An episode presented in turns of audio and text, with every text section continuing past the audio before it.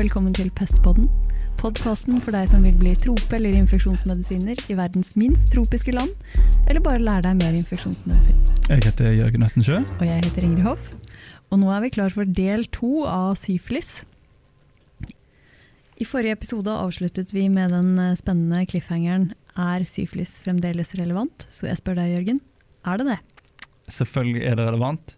Hvis en ser på statistikken fra Folkehelsa, så har det vært en stigning fra 90-tallet og fram til i dag. Fra veldig få, sånn under 20 tilfeller årlig i 95 til rundt 230 i 2019. Og Økninga har vært litt sånn parallelt til gonoréøkninga. Har det noe å gjøre med bedre oppfølging og deteksjonsrate i forbindelse med PREP-behandlingen? Nei, økningen den starta lenge før PREP-tilbudet kom, så det er nok ikke forklaringen. Vi har ikke helt svaret på hvorfor det er sånn, men uansett så er syfilis på ingen måte noen utgjørende sykdom, snarere tvert imot, og den rammer både kvinner og menn. Vi slår fast at syfilis er relevant. Og da må vi jo snakke om den vanskelige serologien. Så vi må jo prøve å forklare den til både oss selv og dere lyttere. Ja. Mm.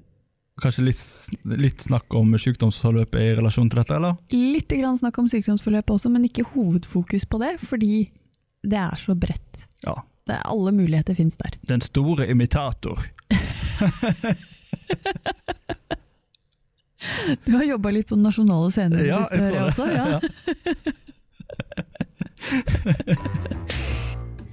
ok, vi skal prøve å gå gjennom dette litt systematisk og med eksempler.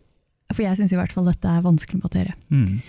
Vi har primær syfilis, som viser seg som en sjanker, altså det smertefrie såret som oppstår på smittestedet to til seks uker etter smitten. Og så har vi sekundær syfilis, dvs. Si det stadiet hvor man får allmennsymptomer og utslett i hender og føtter, klassisk, som kommer når primærsjanker har tilhelt og spirokjetene begynner å spre seg i kroppen. Og så har vi tertiær syfilis, dvs. Si sannsynligvis det Osvald i Gjengangere led av. Solmor, sol Ja. Takk, Jørgen. Takk. Og i det stadiet så ser man ikke bare nevrosyfilis, men holdt på å si hele spekteret av the great imitator, fra aortitt til alopeci til nefrotisk syndrom, og til sene stadier av nevrosyfilis som tabus dorsalis. Ja. Og det er litt interessant, men, men vi må også huske på at nevrosyfilis kan oppstå i alle stadier, Mhm. fra helt tidlig til helt seint. Og em, manifestere seg på mange ulike måter, fra meningitt, typisk veldig tidlig i sykdomsforløpet, Mm. til tabus dorsalis og general paresis of the insane, som det så ufint eh, het på 1800-tallet. Altså, sånn jeg oppfatter det. Jo tidligere sykdomsforløpet du er, jo mer inflammatorisk og meningittaktig arter nevrosyfilisen seg. Jo seinere i sykdomsforløpet, jo mer degenerativt preget er nevrosyfilisen. Mm. Jo viktigere er det også å oppdage en nevrosyflis nevrosyfilis seint i forløpet. For en veldig tidlig nevrosyfilis, omtrent i stadiet hvor du akkurat har blitt ferdig med primærsanker, den er ikke så farlig å overse og holdt på å si underbehandle, for den er lettere å behandle enn en sein nevrosyfilis som blir oversett. Men er det sånn at alle som har eh, fått en eh, primær syfilis, får sekundær syfilis, og så mange år senere får eh, tertiær syfilis og dør mens de roper på solen? Nei, heldigvis ikke. Nei. Uh, og så er det jo sånn at en tredjedel blir spontant helbredet Uten behandling. uten behandling. Mm. Mm. Men likevel, hvis du da tar uh, blodprøver av den personen etter noen år, så kan det godt være at de har positiv syfilisserologi. Ja. Mm. Og da, har du, da kan du få et problem hvis du har hatt syflis noen gang og blitt spontant helbredet, så kan du få det man kaller et serologisk arr. Det må Og- du forklare litt. Ja, det er litt som med borrelia, egentlig. Ja vel? Men det? for når det gjelder borrelia, så kan du ha hatt borreliose Mm. mm, og hatt eh, positiv eh, borrelia-serologi med både IGG og IGM.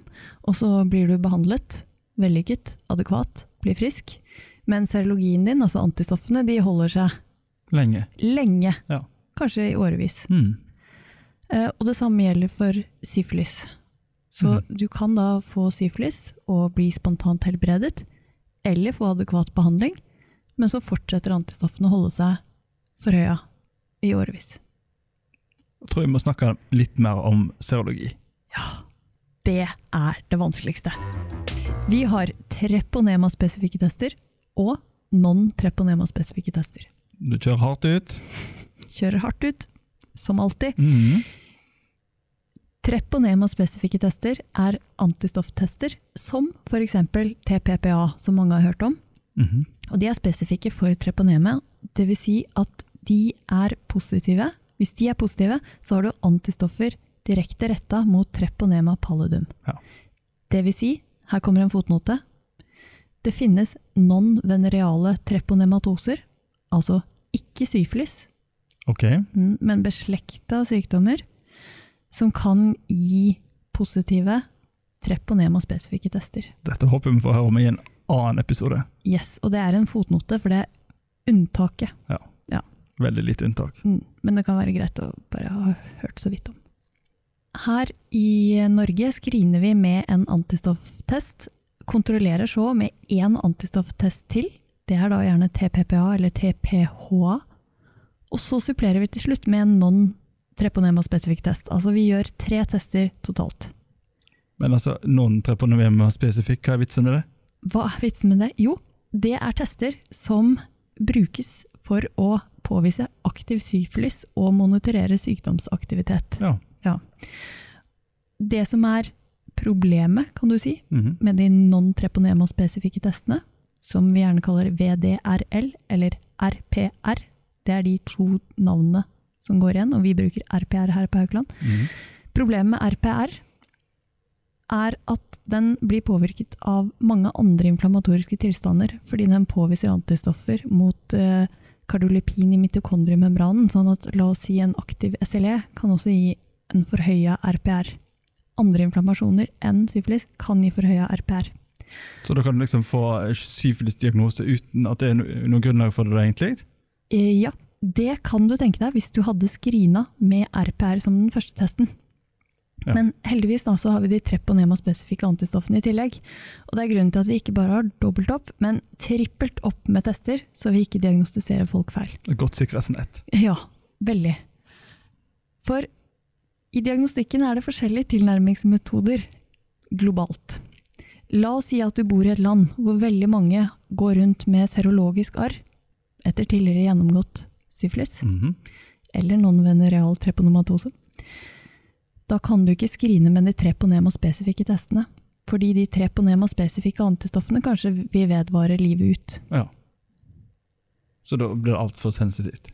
Altfor sensitivt. Ja. Og da må du skrine med RPR, for da er du interessert i å plukke opp de med aktiv syflis.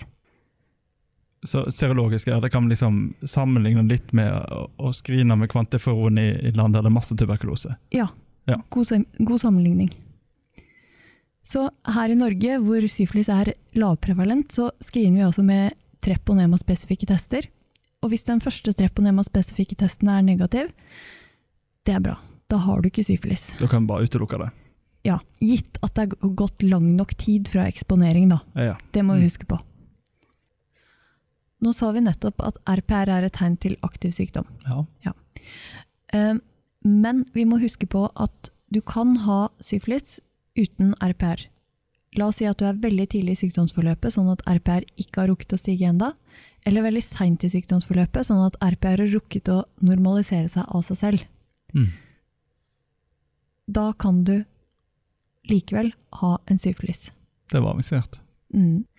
Og det man gjør da, det er å gjenta serologien for å se at det ikke tilkommer en RPR, og at de treponema-spesifikke antistoffene faktisk er der. At det ikke er prøveforbytting eller noe tull med prøven. Mhm. Og hvis serologien er da uendra, negativ RPR, og fortsatt treponema-spesifikke antistoffer, så må du faktisk behandle det som en latent syfilis. Ikke bare gamble på at det har gått over seg sjøl. Ja, du kan ikke bare gamble på at det er et serologisk arr. Nei. Nei.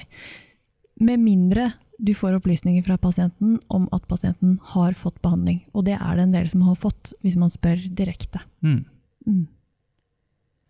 Ok, Jørgen, nå er vi ferdig med seriologien. Og jeg trekker et lettelsens sukk. Yes. Eh, Nå er det jo veldig få som kommer inn i stadiet primærsanker, men finner du en primærsanker, så må vi nesten nevne at da kan du ta direkte PCR fra den lesjonen. Det er jo litt elegant. Veldig elegant. Eh, vaske godt med saltvann, gni en Optima pensel i såret, og sende til laboratorium som gjør PCR. Mm. Mørkefeltsmikroskopi gjøres sjelden.